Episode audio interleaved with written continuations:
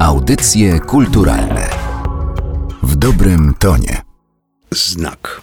Polacy są bardzo przywiązani do symboli i zapewne wskutek dekad rozbiorów i niewoli ta wartość symboliczna wyrażana poprzez plastykę, czy grafikę, czy skrót właśnie symboliczny, jakim jest znak, odgrywała szczególną rolę w polskiej kulturze. Najbardziej rozpoznawalnym znakiem, tak myślę spoglądając wstecz, jest jednak znak Polski Walczącej, który powstał na przełomie 1941 i 1942 roku, a więc w środku nocy okupacji hitlerowskiej. I co ciekawe, znak ten nie powstał samoistnie, ale był wynikiem konkursu zorganizowanego przez Biuro Informacji i Propagandy Komendy Głównej Armii Krajowej.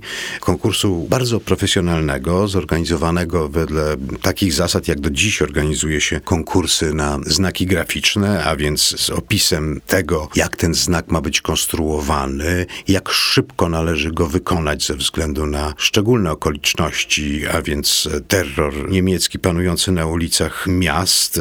Znak miał być wykonywany w ciągu kilku dosłownie sekund. No i oczywiście miał on nieść silny przekaz symboliczny. Jury składało się ze znakomitych profesjonalistów, oprócz wojskowych byli tam również profesorowie sztuk pięknych i grafiki.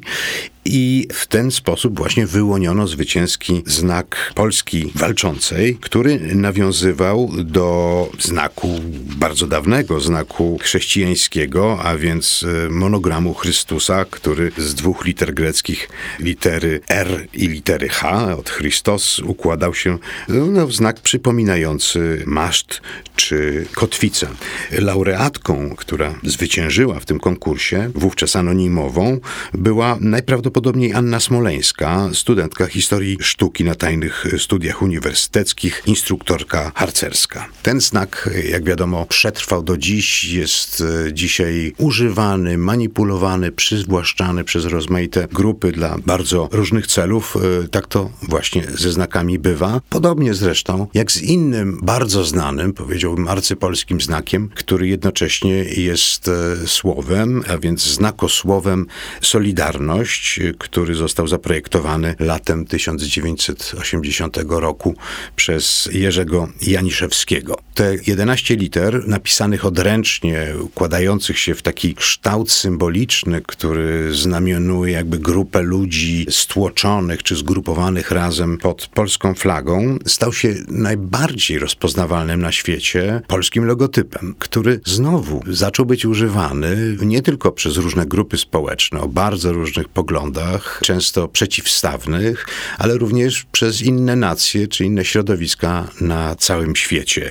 Tak trwa to do dziś i to, co znamy jako zastrzeżony znak związku zawodowego, jednocześnie staje się znakiem i polem gry dla bardzo różnych grup i środowisk o bardzo różnych tożsamościach. Audycje kulturalne w dobrym tonie.